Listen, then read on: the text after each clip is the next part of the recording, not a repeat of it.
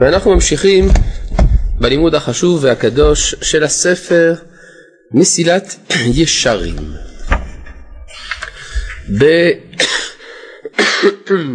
בפרק י"ח, אני חושב. סיימנו את י"ז, אז אם סיימנו את י"ז, זה מסיים, זה... אה, אם, תראה, אם אני אמרתי שאנחנו מתחילים פרק י"ח, זה לכאורה עונה על השאלה שלך אם סיימנו את י"ז, נכון? ככה נראה לי. ומאחר וסיימנו את י"ז, אין לנו ברירה אלא להתחיל את פרק י"ח, כי י"ח בא אחרי י"ז. טוב, אנחנו אם כן בביאור מידת החסידות, אחת המידות הארוכות והמשמעותיות בספר מסילת ישרים. עכשיו מידת החסידות אה, זה חסידות של חסד. מה זה חסד? דבר שהוא יותר ממה שמגיע, כלומר לפי הדין מגיע כך, לפי החסד מגיע יותר. אז אה, גם בהתנהגות של האדם יש התנהגות מה שנקרא נורמטיבית, מה שצריך לעשות, יש התנהגות מעבר, מעבר להכרחי. כן? אתה לא חייב, אבל אתה עושה בכל זאת. בזה אפשר לטעות, כי מה שחייבים לעשות כל אחד יודע, אבל איך לעשות יותר אפשר לטעות. למשל מישהו אומר, אני רוצה שניים סוכר, אז מישהו מידת חסידות שם לו ארבע. כן, זה טעות, כן, כלומר צריך לדעת, מידת חסידות זה, יש חסידות שוטה גם, שהוא לא יודע לאיזה כיוון. גם לא כל אחד ראוי למידת חסידות, צריך להיזהר בזה. כן, יש מי שעוד לא יצא ידי חובת הדברים הפשוטים, והוא נוהג חסידות בדברים מסובכים. למשל, הוא עדיין גזלן, הוא גוזל את חברו, אבל הוא מהדר בלולב. השאלה היא האם אין פה הפרה של האיזון, ברור שיש, יש הפרה של האיזון. ולכן מידת החסידות גם היא צריכה זהירות. מצד אחר, יש אדם שכבר ראוי לחסידות, ראוי לו להתנהג על פי חסידות והוא מסתפק בהתנהגות הנורמטיבית, גם זה לא בסדר. כי ברגע שאדם ראוי לחסידות, אז הוא נידון על זה שהוא לא נהג בחסידות. כן? כמו שמצאנו למשל אצל אה, אה, רבי יהושע בן לוי. כן? זה דבר, דבר שהובא מקודם כבר. לגבי עולה בר קושב. עולה בר קושב. כן, עולה בר קושב היה שודד, שודד יהודי, שהרומאים חיפשו אותו הרבה זמן כדי להרוג אותו. ועולה בר קושב הזה הגיע לעיר לוד, שהייתה עירו של רבי יהושע בן לוי, והסתתר שם. באו הרומאים, הקיפו את העיר. אמרו, או שאתם מביאים אותו, או שאנחנו הורגים את כולכם. מה עשה רבי יהושע בן לוי? נתן להם את עולה בר קושב, מסר בידם. ואז אה, כתוב בגמרא ש... שאליהו הנביא הפסיק להגיע אליו. הוא היה מגיע אליו קבוע, כבר לא מתגלה לו. מה עושה רבי יהושע בן לוי? לא מאבד את הישונות, מתענה, עד שמתגלה שוב אליהו הנביא, ואומר לו למה אתה לא בא? אמר לו, אני נגלה למסורות, אנשים שמוסרים יהודים בידי גויים? זה מה שאתה רוצה שאני אעשה? אמר לו, וכי לא כמשנה עשיתי? איזה משנה מפורשת. שזה מה שעושים במקרה כזה. אמר לו, וכי משנת חסידים היא? נכון, זאת המשנה, זה הדין, אבל זו לא משנת חסידים. ואתה מן החסידים, ולכן ראוי היה צריך להתנהג אחרת. אגב, איך היה צריך להתנהג אחרת רבי יהושע בן לוי? אה? להרוג אותו בעצמו? זה חסידות, כן? להבריח אותו. לא לעשות דבר. לא לעשות דבר, ואז היו הורגים את כל היהודים בעיר. מישהו אחר היה מוסר. אבל לא רבי יהושע בן לוי. זה אפשרות. להבריח אותו. אי אפשר היה. היה פשוט, מה שאתה אומר, היה צריך שיארגן את היהודים להילחם ברומאים. כן, זה נקרא חסידים. כן, במקום שיהרג ואל יעבור, יהרוג ואל יעבור. זה גם פתרון, כן? במיוחד שהביטוי חסידים כנראה מקורו מתקופת החשמונאים, כן? בספר החשמונאים כתוב שהראשוני הלוחמים ביוונים קראו להם החסידים. אז זה לא משנת חסידים שהם לא נתנו לדבר כזה לעשות אלא נלחמו. כן. על כל פנים, יש אם כן דבר כזה שאדם ראוי למידת חסידות, אז אדם שראוי למידת חסידות צריך לנהוג בחסידות. זה באופן כללי, אם כן אתם רואים שאנחנו עסוקים פה בדבר מאוד לא פשוט, צריך לדעת להבחין. דבר נוסף, אה, מה, מידת, מה מקומה של המידה הזאת בין המידות? כידוע, בספר מסיעת ישרים אנחנו עסוקים בתשעה מתוך שנים עשר המידות של רבי פנחס בן יאיר, נכון? מה עם התשעה? מזהירות עד קדושה. אנחנו לא עוסקים בתורה, ברוח הקודש של אליהו הנביא ותחיית המתים לא עוסקים, נכון?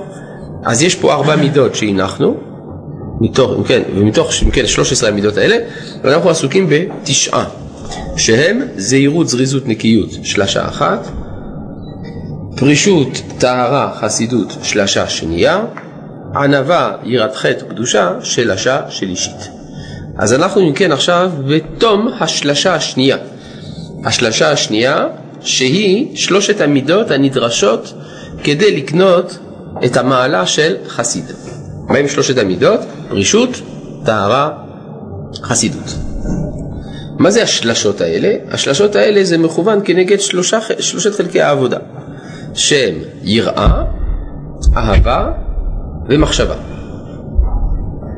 אז בשלשה הראשונה היראה זה הזהירות, האהבה זה הזריזות והמחשבה נקיות.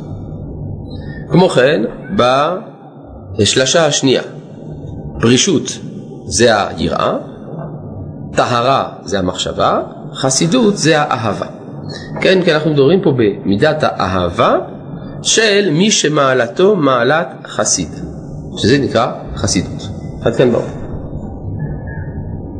אנו מוצאים הרבה מעשים של חכמים בתלמוד. איך אנו יכולים להבחין במעשיהם של החכמים, האם פעלו על פי הדין או על פי מידת חסידות? אה, זה מה שנקרא לפי הקשר של הסוגיה. אם הסוגיה לומדת מההתנהגות של החכם הזה, היא לומדת הלכה, אז זה סימן שזה הדין. אם הסוגיה רק מספרת לנו את הסיפור, אז לא תמיד אתה יכול לדעת. אז זה עניין של הערכה, כן. אה, בשלשה השלישית? כן. אה, בשלשה השלישית, ענווה, יראת חטא וקדושה. מה אתה אומר? אז הראשון זה אהבה, השני זה יראה והשני מחשבה? לא. ענווה זה היראה, יראת חטא זה האהבה, והקדושה זה המחשבה. בסדר? יש משהו שמטעה שם בסגנון. טוב, שלום לרב שרקי, איך אדם יכול לדעת שהוא עלה מדרגה וצריך להתנהג לפי מידת החסידות, כך שלא ייענש על כך שלא נהג כך? תודה, והמשך שיעור נעים. תשובה האדם יודע אם הוא עלה למדרגה כלשהי, אם הוא יצא ידי חובת ההגדרות של המדרגות הקודמות. למשל, ראינו מה זה צדיק? זה מי שנוהג בזהירות, זריזות ונקיות. אם האדם רואה שהוא נוהג בזהירות, זריזות ונקיות, זאת אומרת בזהירות שהוא בודק את מעשיו אם הם טובים או לא, זריזות שהוא משתדל לקיים כל שבידו, ונקיות שאין לו נטייה לעבור על המצוות, הוא לא רוצה לעשות דבר אסור, אז בזה אנחנו כבר יודעים שהוא צדיק. אם הוא עלה, אם הוא לא יצא ידי חובת זה, אז הוא לא צדיק. כלומר, הנחת היסוד של הספר הזה, ושל הרבה ספרי מוסר, זה שאדם יכול לדעת איפה הוא נמצא. עכשיו, אה, עוד דבר, אם מה שמדאיג אותו זה שהוא לא ייענש על כך שהוא לא נהג כך, אז הוא עוד רחוק מן החסידות. כן, רצית להגיד משהו. דבר, דבר, אל תחת.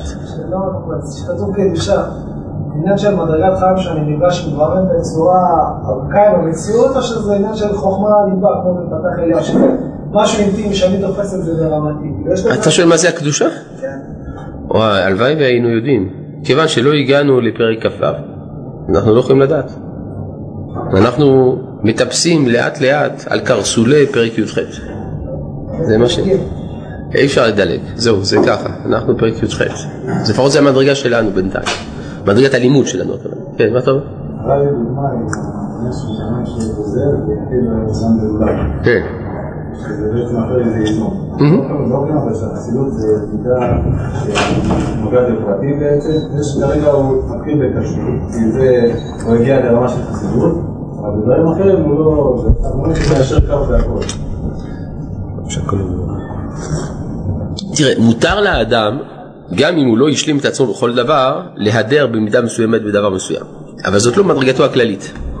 כלומר, אם האדם עדיין גזלן והוא מהדר בלולב, יש לו אולי שכר על ההידור בלולב, אבל חסיד הוא לא. כן? ולכן הוא גם צריך להיזהר שלא לשים את כל המשקל על ההידור הזה, שהרי עדיין יש לו מה לתקן בדברים בסיסיים. בסדר? לפעמים ההידור זה מה שמאפשר לאדם, זה מין תירוץ, לא לטפל בדברים היסודיים. טוב, פרק י"ח בביאור מידת החסידות. מידת החסידות צריכה היא באמת לביאור גדול. לכן באמת הוא מעריך מאוד בזה. כי מנהגים רבים ודרכים רבים עוברים בין רבים מבני האדם בשם חסידות ואינם אלא גולמי חסידות. מה זה גולם? דבר שעדיין לא קיבל את הצורה. אין כמו דבר גולמי. דבר גולמי זה דבר שעוד לא פיתחו אותו כראוי. בלי תואר ובלי צורה ובלי תיקון. ונמשך זה, מאיפה זה בא להם? מחסרון העיון וההשכלה האמיתית אשר לבעלי המידות ההם, כי לא טרחו ולא נתייגעו לדעת את דרך השם בידיעה ברורה וישרה, אלא התחסדו והלכו במה שנזדמן להם לפי הסברה הראשונה, ולא העמיקו בדברים ולא שקלו אותם במאזני החוכמה. אתם רואים, יש פה הרבה אזהרות כאן. אתה רוצה לנהוג בחסידות, אז דע לך, יש כמה דברים שאתה צריך לברר. והנה, זה לא רק זה שהם גרמו לעצמם נזק, הם גרמו נזק לכלל. אלה הבאישו את ריח החסידות בעיני המון האנשים ומן המשכילים עמהם, באשר כבר יחשבו שהחסידות תלוי בדברי הבל, או דברים נגד השכל והדעה הנכונה, ויאמינו היות כל החסידות תלוי רק באמירת בקשות רבות ובידויים גדולים, ובבכיות, וב- והשתחוויות גדולות, זה דאווין כזה, ובסיגופים, מה? זה ככה אצל המקובלים? מה פתאום? כמו שהיה שלג, מחול, בדיוק וזה. השל... אתה חושב שרמח"ל לא קרא את זה? לא ידע מה שאומר הארי על זה? ידע. אלא זה שיש גם תיקוני גלגולי שלג, כל מיני דברים כאלה, איך לומר, זה הדובדבן של הקצפת, זה לא עיקר העניין. זה לפעמים, יש תיקונים שצריך האדם לעשות. או בשביל עצמו, או בשביל הגלגולים שעברה נשמתו בגלגולים הקודמים, ואז הוא עוסק גם בזה. אבל גם אם אדם לא יתגלגל אפילו בגרגיר שלג אחד כל חייו, הוא בהחלט יכול להיות מן החסידים. לעומת זה אדם שהתגלגל בערימות של שלג והוא לא עשה את המינימום של המינימום, הרי זה מתועב ומשוקץ או על כל פנים משונה ונושא לדוקטורטים של אנתרופולוגים. בסדר? אבל. לא אמרנו שאין לזה מקום, השאלה איפה זה צריך להיות. כן? אז איפה זה צריך להיות? זה לא זה, זה לא. אגב, גם רבי יהודה הלוי במאמר שלישי של ספר הכוזרי, אומר שאנשים חושבים שהצדקות זה להרים את גביני העיניים. כן? ככה הוא אומר. לא, אנשים חושבים שזה זה החסיד, זה הצדקות. וואי, תראה איזה קדוש זה. וואלה, איך הוא מתפלל ארוך. הוא רק מסתכל על השעון, נו, כמה, עוד, כמה זמן יעבור? עוד חצי שעה, חצי שעה, שמונה עשרה. וואלה, כולם מסתכלים. טוב, ברור, יש שטויות על הדברים האלה. טוב. אה, ובבחיות שחביות גדולות ובסיגופים הזרים שיעמיד בהם האדם את עצמו כטבילות הקרח והשלג וכיוצא בדברים אלה. והנה לא ידעו שאף על פי, שקצ... על פי שקצת דברים אלה צריכים לבעלי תשובה. הנה, שימו לב, זה מוגדר. לפעמים אדם עשה עבירה חמורה מאוד, והעבירה החמורה הזאת דורשת תיקון. ואז יש צריך סיגופים, צריך גלגולי שלג, צריך אה, נמלים וחרולים, יש כל מיני דברים, כן? זה, זה נמצא. אה, וקצתם ראויים לפרושים, כלומר אדם שעסוק בקניית מידת הפרישות, אז הוא צריך גם לפעמים לנגד את הנטייה הטבעית שלו. לפעמים. הנה, הנה, לא על אלה נוסד החסידות כלל. כי אם הטוב שבמנהגים האלה, לא הכל, הוא ראוי להתלוות אל החסידות. זאת אומרת שצריך קודם כל לדאוג לקנות את מידת החסידות, אחר כך לך, לך תתגלגל להנאתך בשלג. אך מציאות החסידות עצמו הוא דבר עמוק מאוד להבינו על נכון. והוא מיוסד על יסודות חוכמה רבה ותיקון המעשה בתכלית אשר ראוי לכל חכם לב לרדוף אחריו. כי רק לחכמים להשיגו באמת, וכן אמרו זיכרונם לברכה, לא עם הארץ חסיד ונדבר עתה עניין זה על הסדר. עכשיו פה, מה זה ההערה הזאת? יש פה הערה חשובה של רמח"ל. יש מידות שכדי לה- להתנהג בהן מספיק רצון. למשל זהירות, מספיק רצון. אבל אה, מידת חסידות צריך גם חוכמה. כלומר, יש שלב מסוים שבהתקדמות המוסרית שלך, אם אתה לא תקנה חוכמה, דהיינו, ידיעת סודות המציאות וידיעת סתרי התורה והבנת האלוהות, לא תוכל להתקדם בחסידות. וזה בניגוד למה שמקובל לפעמים שאנשים חושבים שחסידות זה לקרוא את הזוהר חמש פעמים ישר והפוך בלי להבין כלום. אז זה בדיוק העניין. אם אתה לא מבין כלום, אז אתה רחוק ממידת החסידות. אתה מהבורים והמי ארצות שחושבים שהם חסידים, ועל זה כבר הזהירו רבותינו, לא עם הארץ חסיד. כן,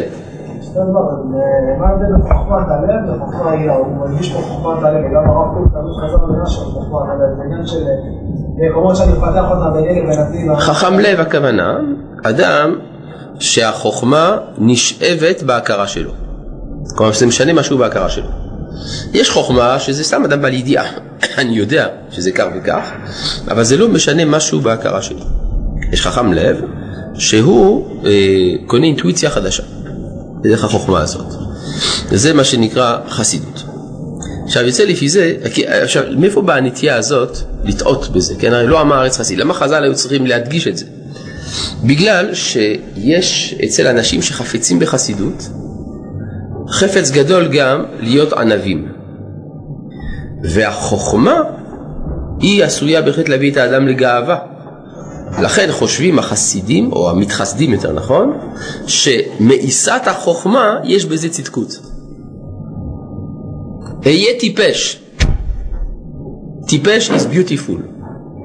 כן? לא, זה, זה, זה, זה, זה, בא ממקום מאוד עמוק, הדבר הזה. כן? אפשר לומר שגם בנצרות יש אה, דברים כאלה, ששם בהחלט השכל מתנגד לאמונה, ולכן המאמינים הגדולים מוותרים על השכל אצלם. כן? שלום הרב, כיצד מעבירים בפועל, לא דיבורים, את הדברים שאנו מבינים בשכל אל הרגש ותיקון המידות? הרי זאת המטרה של מסיעת ישרים. אבל כיצד עושים זאת? פשוט מאוד.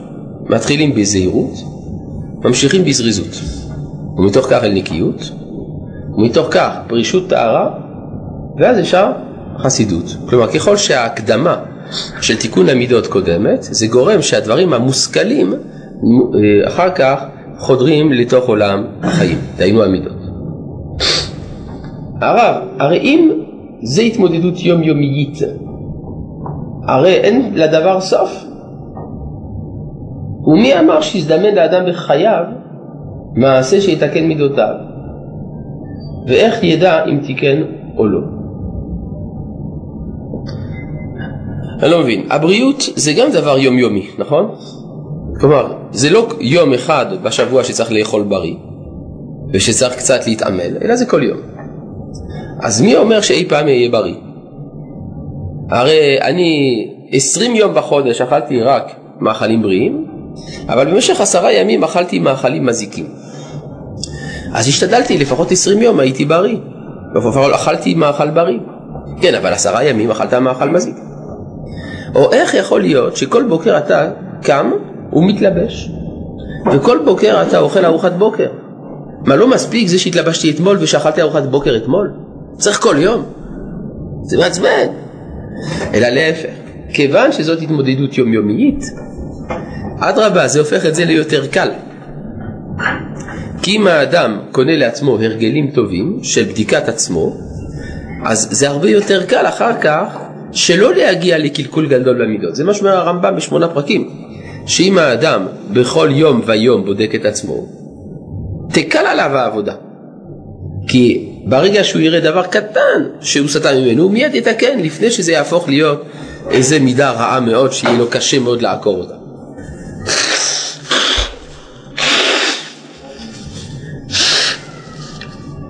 ברור. אז אם כך, לא צריך להיבהל מזה שזה יומיומי, אדרבה, זה שזה יומיומי זה, הרבה, זה מה שמקל על זה. אלא מה? צריך לקחת את זה בקול. אנשים, אנשים חושבים שהם צריכים בתפילה אחת להגיע למדרגת נעילה של יום הכיפורים. בתפילה אחת האדם שינה קצת את עצמו. הוא לא שינה את הכל, לא נורא, יש תפילת מנחה. בתפילת מנחה הוא לא שינה את הכל, לא נורא, יש תפילת ערבית, יש גם מחר. כן? ברגע שאדם לוקח את הדברים בקול, כמו, שאומר, כמו שאומרים, ממילא העבודה היא קלה. בכלל, כלל גדול הוא בעבודת השם ובקיום מצוות, זה דבר שלא תמיד יודעים את זה בציבור הדתי. צריך להתרגל לצאת ידי חובה. לצאת ידי חובה זה ביטוי נפלא. כלומר, תחפף. תעשה, לא באמת, תחפף זה דבר גדול. כי האדם עושה את זה, מה? לא אמרתי להתפלל יחיד, אמרתי לצאת ידי חובה. כלומר, ברגע שאדם יוצא ידי חובתו, אז הוא לא בלחץ, כי הוא יודע בדיוק מה צריך לעשות. המטרה היא, הרי אמרו, איך אמרו, זריזין מקדימים למצוות, נכון? ראינו את זה במידת הזריזות. היה מקום לחשוב, שאדרבה, והוא מביא את זה רמח"ל, היה מקום לחשוב שזריז דווקא לא, לא יקדים למצוות, אלא ימרח את המצווה לאורך כל היום, נכון? הרי אני עסוק במצווה, זה צריך הרבה כוונה. ואף על פי כן, אמרו לך, מצה תוך כדי אכילת פרס. כן? צריך להשתדל שהמצווה תיגמר. וזה לא מתוך שאתה מואס במצווה, אלא זה אדרבה, מתוך הערכת המצווה, אתה רוצה להיות אחריה. ברור? ולכן מישהו פעם שאל אותי, האם הוא פטור מלומר תפילה מסוימת. אמרתי, למה שנפטור אותך מלומר את התפילה הזאת? הוא אומר, כי זה לוקח לי הרבה זמן לומר אותה. אז אמר, ואז אני מפסיד את הציבור, אני לא עם הציבור. אז אמרתי לו, אז תתפלל מהר. מה, הוא אמר, אני מזרוחניק? אה? אמרתי לו, זה, החס... זה הצדקות שלך. הצדקות שלך זה שאתה רוצה להיות עם הציבור ותתפלל מהר. אה, אה, כן, טוב. רצית עוד משהו? בעניין תפילת הדוגמה, לא מרגיש שזה רמה בדקת, יש לי גם שהתפילות הן מושלמות, יש להם תפילות ששבועיים לא יהיה טוב, לא מרגישים שזה רמת תפילת האדם מתקדם לאט לאט עם זה שהוא מתרגל לצאת ידי חובה. מתוך שהוא מתרגל לצאת ידי חובה, אז מדי פעם גם יש עלייה, ואז אפשר לומר שהוא עובר מפלס. נכון, נכון. עכשיו בואו נראה מה הוא מדבר פה על החסידות. כן? אחרי כל ההקדמה הזאת, שהחסידות דורשת חוכמה, אז אנחנו צריכים עכשיו ללמוד. הנה, שורש החסידות הוא מה שאמרו זיכרונם לברכה.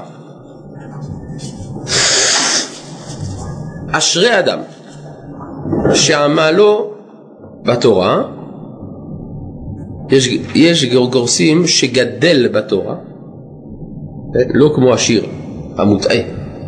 אשרי אשרי מי שגדול בתורה, לא, זה לא נכון, השיר זה שגדל בתורה. אשרי, כאן פה אדם שעמלו בתורה. ועושה, למה זה חשוב ההגדרה הזאת? כי אנחנו לא מדברים על התוצאה הסופית, אנחנו מדברים על ההתקדמות. שאדם הוא בדרך. אשרי אדם שעמלו בתורה ועושה נחת רוח ליוצרו. זהו, זה הגדרה של החסידות. עמלו בתורה ועושה נחת רוח ליוצרו. מה זה לעשות נחת רוח ליוצרו? לכאורה, כל מי שמקיים מצוות עושה נחת רוח ליוצרו, לא? אלא שהוא, כשהוא מקיים את המצווה, עושה אותה באופן שמתאים לכוונה של המצווה. אז מה הוא צריך לדעת בשביל זה? את כוונת המצווה. אז הוא צריך ללמוד את כוונת המצווה, אז הוא צריך לעשות את בטעמי המצוות. אם הוא לא ידע את הטעם של מה שהוא עושה, הוא לא ידע אם הוא עושה נחת רוח ליוצרו או לא. מובן? אבל זה לא עניין של רצון, זה שאתה רוצה, זה יבוא להבנה, זה יותר עמוק מאשר אני מבין את הדברים. זהו, זה הטעות המצויה, מה שאמרת עכשיו. זה שאני רוצה, זה שאני, עצם זה שאני רוצה, בלי, מעבר לכוונה של הדברים, זה מה שנקרא לצאת ידי חובה. זה הצדיק. והחסיד זה מי שמבין. בניגוד למה שההמון חושב שלהבין זה פחות טוב. גם ספר הזוהר אומר, יש שתי צורות עבודה, עבודת עבד ועבודת בן. עבודת עבד זה אדם שעושה לא על מנת להבין, עבודת בן זה מי שעושה מתוך הבנה. בן מלשון בינה. והזוהר מלא גידופים כלפי עבודת עבד ושבחים לעבודת בן. ככה זה. ברור, טוב, הלאה. ונעשה ונשמע זה לא... נעשה ונשמע. מה זה נעשה ונשמע? נעשה, אז אם ככה, אם נעשה ונשמע כמובן נעשה בלי להבין, לעשות, אז היה צריך להיות כתוב נעשה. כלומר, מה זה לעשות בלי להבין? נעשה, נכון? אוקיי. אבל אני ראיתי שחז"ל ציטטו את הפסוק נעשה ונשמע. מה- אבל מה זה נשמע? מה זה נשמע? מה זה נשמע? מה זה, אבל אחרי זה מה? נבין. אם כן, אני עושה כדי להבין. בסדר. עכשיו רגע, בוא. תגיד לי, מאיפה זה הביטוי הזה נעשה ונשמע? איפה זה? איפה בקבלת התורה? זה פסוק אתה מתכוון, נכון? זה פסוק, נכון? כן או לא? בטוח? כן. בסדר, מה הפסוק אומר? הפסוק לא כתוב נעשה ונשמע, יש, התחלה לפסוק. "וי- ויענו כל העם יחדיו ויאמרו כל אשר דיבר השם נעשה ונשמע. כלומר, כל אשר דיבר השם ושמענו נעשה ונשמע עוד יותר. ברור? ברור, אז אם כן יש שמיעה שקדמה לנעשה ונשמע. אלא מה? מה הבנו בהתחלה? הדבר הראשון שהבנו זה שמכיוון שזה רצון השם צריך לעשות. זה הבנה. נכון? זה לא עבדות, זה הבנה. אם זה רצון השם, ברור שאני אעשה. אבל אני רוצה בכוח ההבנה הזאת להבין יותר. אז כל אשר דיבר השם ושמעתי שמיעה ראשונה, נעשה כדי לשמוע עוד יותר. כן, בלי לשמוע. נכון. זה... לא.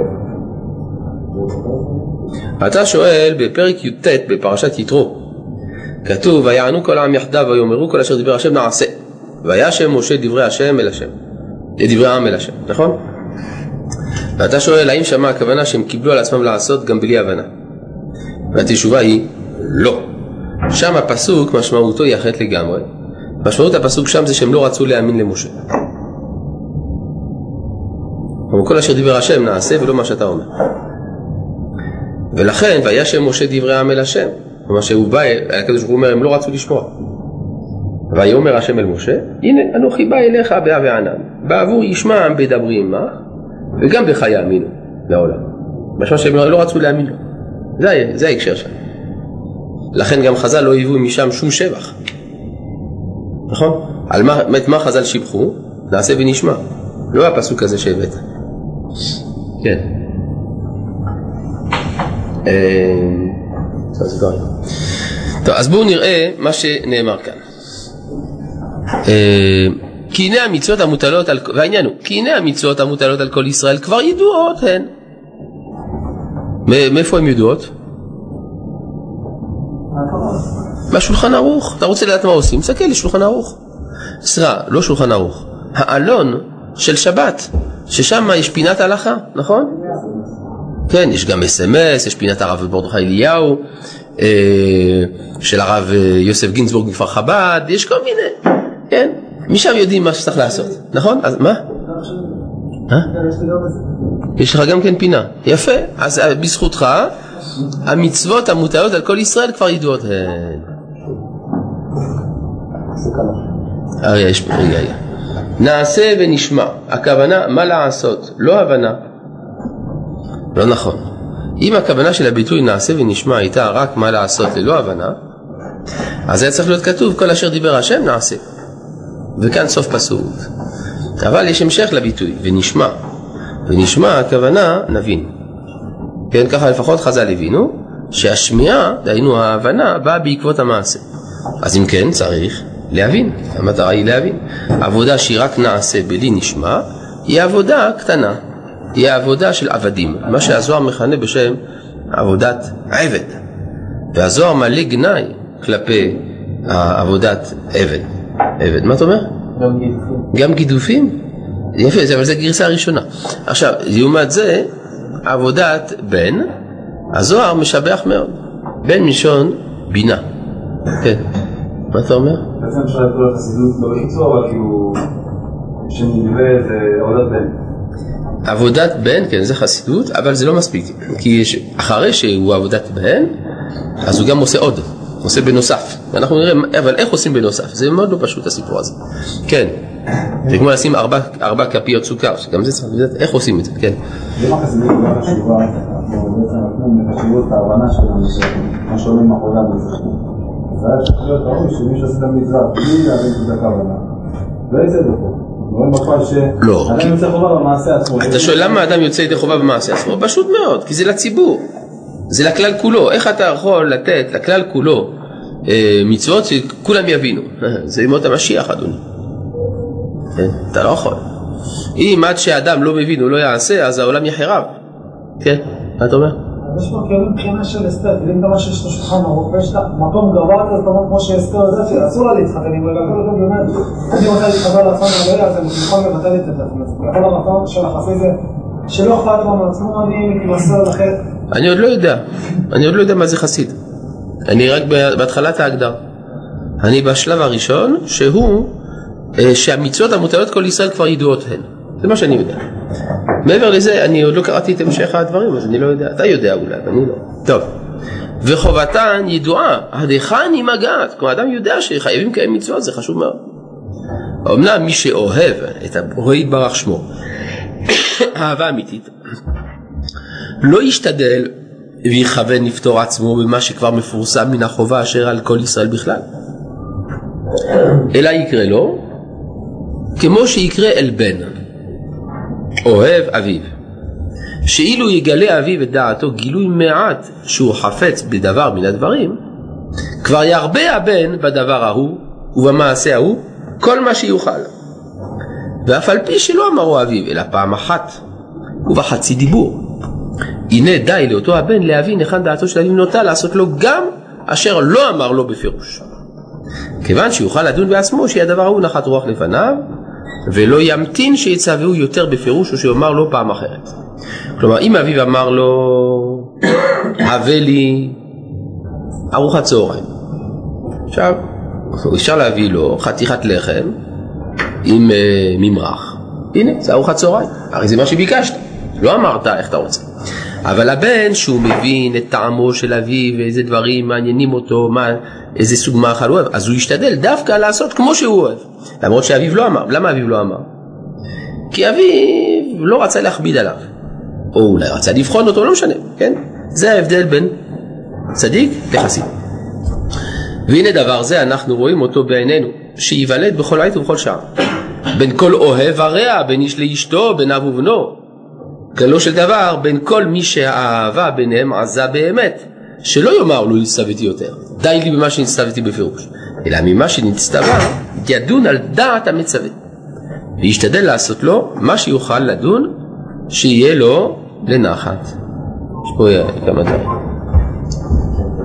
האם ניתן להגיע להנהגה מעשית של חסיד ללא ידיעה שאתה כזה, וללא צורך בכל הלימוד שמביא לידי הנהגת החסידות?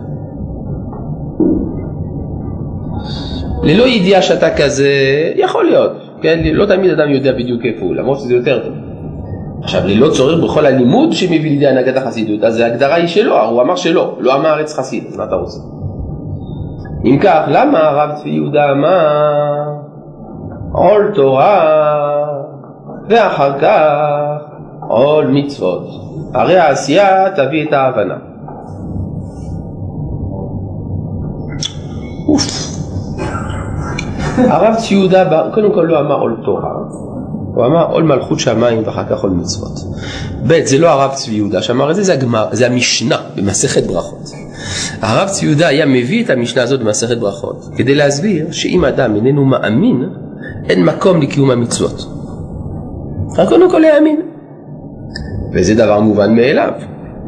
מה שאמרו נעשה ונשמע, אין הכוונה נעשה ונאמין. אלא כל אשר דיבר השם, אנחנו כבר מאמינים.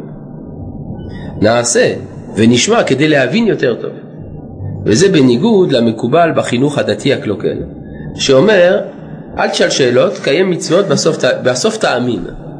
לא, בסוף תהפוך לאוטומט, אבל להאמין ברור שלא תאמין. אז או אתה או בנך תהיו דתל"שים, זה מה שיקרה בסוף. ברור. אז מה הפתרון? הפתרון קודם כל להאמין. אחרי שאדם מאמין, הוא מקיים מצוות. אחרי שהוא מקיים מצוות הוא גם מבין. יש שלושה דברים שונים. האם אני תמיד מתלמד באמונה? מפתח. וכל דבר, נכון, אתה צודק, אתה צודק, יש בסיס, אבל בסיס צריך שיהיה. אדם איננו מאמין כלל, הוא חושב, הוא לא חושב בכלל שהיהדות זה אמת, הוא בכלל חושב שאין אלוהים, ושהרבנים הם מושחתים, ושזה הרבה יותר טוב לחיות אה, בג'ונגל, זה מה שהוא חושב. ואתה אומר לו תניח תפילין, הוא לא רוצה. אבל תניח תפילין על ידי זה תאמין. שטויות. ההפך, על ידי שהוא יניח תפילין הוא יתנגד יותר. אם הוא לא מאמין, זה לא שער. פעם היה בחור שאמר לרב ציודה, אני לומד אצלך כבר הרבה זמן, ואני חושב שהגיע הזמן שאני אקיים מצוות. אמר לו הרב ציודה, עוד לא. טוב, אחר כך הבן אדם שוב פעם מתעקש. מדי פעם היה מתעקש שהוא רוצה ללמוד מצוות, שהוא רוצה לקיים מצוות. אמר לו הרב ציודה, טוב, אתה יודע מה? אתה רוצה לקיים מצוות? בוא ניקח את ספר המצוות. פתח מצווה ראשונה, להאמין שיש אלוה. טוב, אז הבחור הבין שהוא עוד לא מוכן. בסדר? אחרי המעשים נמשכים הלבבות. יפה. סיסמה. לקוחה מהקדמת ספר החינוך. מה משמעותה של הסיסמה הזאת? אני אגיד לך. אחרי המעשים נמשכים הלבבות. דהיינו, בתנאי שיש לבבות. אבל המעשים לא מייצרים לבבות. ברור? אם יש לבבות, כשאני החלטתי להעמיק את, ה, את השייכות שלי, להעמיק את ההבנה שלי, אז אומרים לי, טוב, אתה רוצה להעמיק? קיים מצוות. כי אם לא תקיים, משהו חסום בך. אבל יש בסיס, בסיס של שייכות מינימלית. אין שייכות מינימלית, בכלל לא שייך אחרי המעשים. נמשכים הלבבות. שלום רב לכבוד הרב. ובכל זאת, המונח עבד מוזכר הרבה פעמים, גם בגדולים ואפילו באבות. הכיצד? לא נכון, ממש לא נכון. לא מצאנו שהגדולים נקראו עבד. בכלל לא. מה? מה? כתוב במשה? מה כתוב במשה? שקט, מה, מה כתוב במשה? עבד השם? אה, זה לא אותו דבר.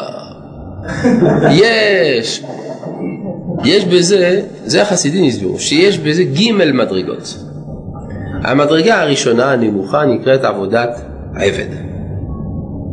שזה מי שרוצה לעשות, לא על מנת להבין. וזה, הזוהר מלא ביקורת על עבודת העבד. ויש אה, עבודה שנייה, עבודת בן. בן מלשון בינה, מי שרוצה להבין.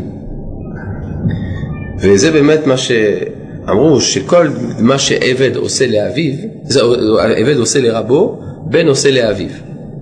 אלא שהבן מפשפש בגנזי אביו. מה זה מפשפש בגנזי אביו? מה זה גנזי אביו? זה המחשבות, הגנוזות של אביו. ועל פי זה הוא פועל. ויש מדרגה שלישית. המדרגה השלישית זה עבד השם. לא עבד. עבד השם זה משהו עצום. מה זה עבד השם? זה מי שאחרי שהגיע למדרגת בן, מרוב אהבה מתנהג כעבד. זה ביטוי של עומק ההבנה. אני כל כך מבין שאני חפץ בעבדות. זה לא בגלל שאני לא רוצה להבין, אני כבר מבין. ואז עכשיו מגיע למדרגת עבד השם. לכן גדולי ישראל, גדולי האומה, נקראו בשם עבד השם. אין מה להשוות בכלל. לכן האמירה שגדולים נקראו עבד, זה לא נכון, נקראו עבד השם. אבל הרב, להאמין במה?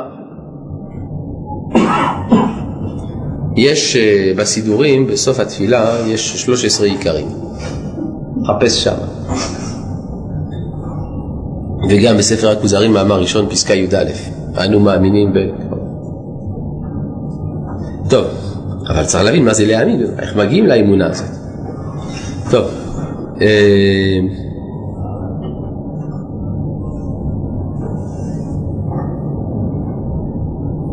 והנה, כמקרה הזה, כלומר כמקרה הזה של אהבת אה, רעים, איש ואשתו, בן ואביו, הנה כמקרה הזה יקרה למי שאוהב את בוראו גם כן אהבה נאמנת. כי גם הוא מסוג האוהבים, ותהיינה לו המצוות, שימו לב, זה- וזה מה ש- מה שאמרנו, שהחסידות זה שייך לאהבה, נכון? אהבה יראה מחשבה, פה זה אהבה. ות- אה, כי הוא- כי גם הוא מסוג האוהבים. ותהיינה לו המצוות אשר ציווים גלוי ומפורסם, לגילוי דעת לבד. כן, כלומר המצוות זה איזה סוג של מינימום כזה. כן, כלומר על פי זה אתה מבין את הכיוון. הזוהר מכנה את המצוות בשני ביטויים. תרי"ג פיקודין וגם תרי"ג עיתין. מה זה פיקודין? ציוויים. מה זה עיתין? עצות. תלוי במדרגה שלך. יש אדם שהמצוות אצלו הם פיקודין, דהיינו ציווי, זה מה שאתה צריך, אתה חייב, זה מה שצריך לעשות. ויש עיתין, זה עצות. כלומר, מתוך המצווה אתה מגלה את כוונת הבורא. ואז מילא אתה יודע גם לאיזה כיוון להמשיך את זה. כן, אה, איפה אנחנו? אה, כי גם הוא מסוג הרבים ותהיינה לו המצוות אשר ציוויים גלוי ומפורסם לגילוי דעת לבד. לדעת שלעניין ההוא נוטה רצונו וחפצו יתברך שמו ואז לא יאמר די לי במה שאמור בפירוש או אפתור עצמי במה שמוטל עליי על כל פנים אלא אדרבה יאמר כיוון שכבר מצאתי ראיתי שחפצו יתברך שמו נוטה לזה יהיה לי לעיניים להרבות בזה העניין ולהרחיב אותו בכל הצדדים שאוכל לדון שרצונו יתברך חפץ בו. וזהו הנקרא עושה נחת רוח ליוצרו. נמצא כלל החסידות הרחבת קיום כל המצוות בכל הצדדים והתנאים שראוי ושאפשר אחרי שהאדם מבין את הכיוון. מה זו האמונה הזאת? יפה. אמונה זה שייכות. כן? אדם שייך. זאת אומרת, יש אדם שמקבל על עצמו איזושהי אמת או איזושהי התנהגות, אבל הוא לא מרגיש שייכות. כשיש אמונה, הכוונה שהוא גם מרגיש שייכות. זה נקרא להאמין. עכשיו, אולי כוונתך לשאול, אבל איך מגיעים לאמונה הזאת, ומה הדרכים להשגתה. כל זה הנושא של השיעורים בספר הכוזרי לרבי יהודה הלוי. מאמר ראשון בעיקר, מאמר שני, אבל זה לא הנושא של מסיעת ישרים. מסיעת ישרים זה ספר על תיקון המידות, ולכן אי אפשר לבקש במסיעת ישרים מה שאין בו. זה כמו שתאמר, אני רציתי מלוח, ואני לא מוצא את זה בסוכריות, נכון? כי סוכריות זה מתוק, ומלוח זה, אתה תמצא במאכלים אחרים, בצ'יפס למשל. ולכן כשאנחנו עסוקים במסילת ישרים אנחנו עסוקים מתוך הנחת יסוד שאמונת היהדות כבר ידועה ומקובלת. המעוניין לברר את אמונת היהדות יופנה אל השיעורים בספר הכוזרי. דינג דונג, והנך רואה שהחסידות ממין הפרישות אלא שהפרישות בלאווין והחסידות בעשין. כן, יש עשה ולא תעשה. אז לא לעשות זה פרישות. כמו שאדם מונע את עצמו מן המותר, כי הוא יודע שאף על פי שהדבר מותר, יש בו שייכות אל הרע. ואילו בחסידות, הוא עושה יותר מכדי חיובו, אף על פי שהוא לא חייב, אבל הוא מרגיש ששם הכיוון של הטוב. יוצא שעבודתו של החסיד איננה זהה לשולחן ערוך. בשולחן ערוך יש מותר, אסור. ובחסידות יש בעצם טשטוש מסוים של התחומים, ולכן גם זה מצריך ידיעה ברורה, קודם כל, של מה החיוב העיקרי ומה מידת חסידות. נכון, בשולחן ערוך, בהלכות בכלל, זה נקרא בספר הזוהר עץ הדת טוב ורע, איפה הגבול בין הטוב לבין הרע. פה בעצם אדם כבר הרבה אחרי זה, הוא כבר מרחיב את התחומים. וזהו גדר החסידות האמיתי, הגדרת, גדר הכוונה הגדרת של החסידות האמיתי, למה הוא אומר אמיתי ולא אמיתית? יפה. בעברית הרבנית של ימי הביניים, המילים המסתיימות באות הן זכר ולא נקבה. לכן חסידות אמיתי. כן, מה אתה אומר? יכול להיות שפה הוא את החסיד כדמות שאתה מחפש להכין את הדברים המותרים. נכון. יכול להיות מצב שיש חסיד שחורג מהדבר ועושה דברים שאסור לעשות ברוך הוא כמו עם אסתר לדוגמה. אתה אומר למשל יש מה שנקרא עבירה לשמה. כן, יש גם דבר כזה. כאילו. עבירה לשמה זה דבר מאוד מסובך. זה אפשרי למשל בהוראת שעה, או על פי נביא, ברוח הקודש. יש דברים כאלה. אה, יש לפעמים שביטולה של תורה הוא קיומה.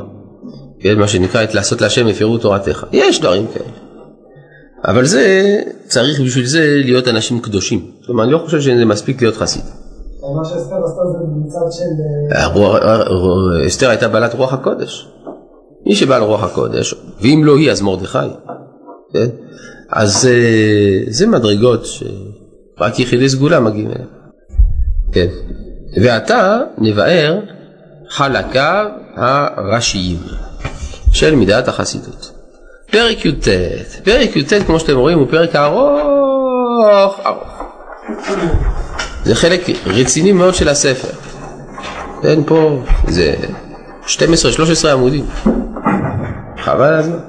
הרב שלום, סליחה, אם כבר הרב הזכיר זאת. מה זה אם כבר? טוב, אך מהו תחום ההוספה של החסיד? כאשר התורה מצווה לא תוסף ולא תגרע, תודה רבה. אה, יפה, יפה, זה בהחלט שאלה. כן, איך אתה יכול להוסיף? התורה אמרה לא תוסיף. מה התשובה? כן, אז זה עניין של הגדרה. למשל, לא תוסיף במצווה. אבל, למשל, אדם, התורה אמרה לשים ארבע פרשיות בתפילין, והוא אומר, וואלה, אם כבר ארבע פרשיות, אני אוסיף חמישית. כן? מה הוא יוסיף בבית החמישי? אני יודע עוד איזה פרשה בתורה שנראית לו חשובה. למשל, ואהבת לרעך כמוך. זה לא כתוב בתפילין, נכון? אבל רבי עקיבא אמר שזה כלל גדול בתורה, אז אולי נוסיף גם את זה, או עשרת הדיברות. כל מיני דברים שאפשר להוסיף בתפילין. אז על זה אמרה התורה, לא תוסיף עליו. נכון? אבל אם מתוך שאני מניח ארבע פרשיות בתפילין, מתוך כך אני מעמיק במה שהפרשיות האלה אומרות, אז אני משתדל כל הזמן לזכור את מה שהפרשיות האלה אומרות. יוצא שאני נוהג חסידות. למשל זה שאנחנו נוהגים בהנחת תפילין, לא- לומר גם פרשיות קדש והיה, למרות שזה לא חיוב. אין חיוב להגיד פרשיות קדש והיה. אבל מכיוון שאנחנו כבר אומרים שמע והיה בקריאת שמע, אנחנו רוצים להוסיף עוד שתי פרשיות שהן ממילא בתפילין. זה מידת חסידות. זה לא שייך לשון השפה, כי התורה לא הגבילה אותנו. איפה שהתורה לא הגבילה אותנו, לא שייך לשון השפה. זה לא שפה בכלל. כן, אפשר להגיד זאת לא הוספה, אבל זו הוספה על זה שאני, על שתי הפרשיות שאני קורא כן. הרי התורה, כן, אתה מגביל את ה... זה, אבל אתה לא, אתה לא מוסיף. איפה, איפה שייך לשון השפה? איפה שיש גבול. התורה הגבילה אותנו, תעשו ארבע פרשיות. אז, שמוסיף. אז מי אמר שמי שקורא ארבע פרשיות הוא לא מוסיף? גם זה קושייה. הרי אם התורה אמרה שצריך לקרוא כל יום שתי פרשיות של שמע והיה, מי התיר לי להוסיף קדש והיה? אולי זה לא בסדר, כן? זה נכון שההגדרות הן לא לגמרי ברורות, כן?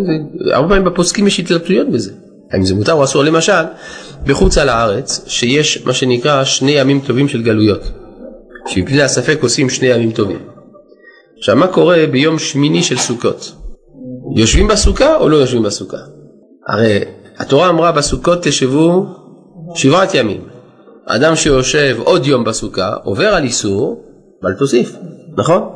עכשיו בחוץ לארץ, כיוון שהם בספק האם היום השמיני הוא בכלל סוכות או שלא, אז מה עושים עם ישיבה בסוכה?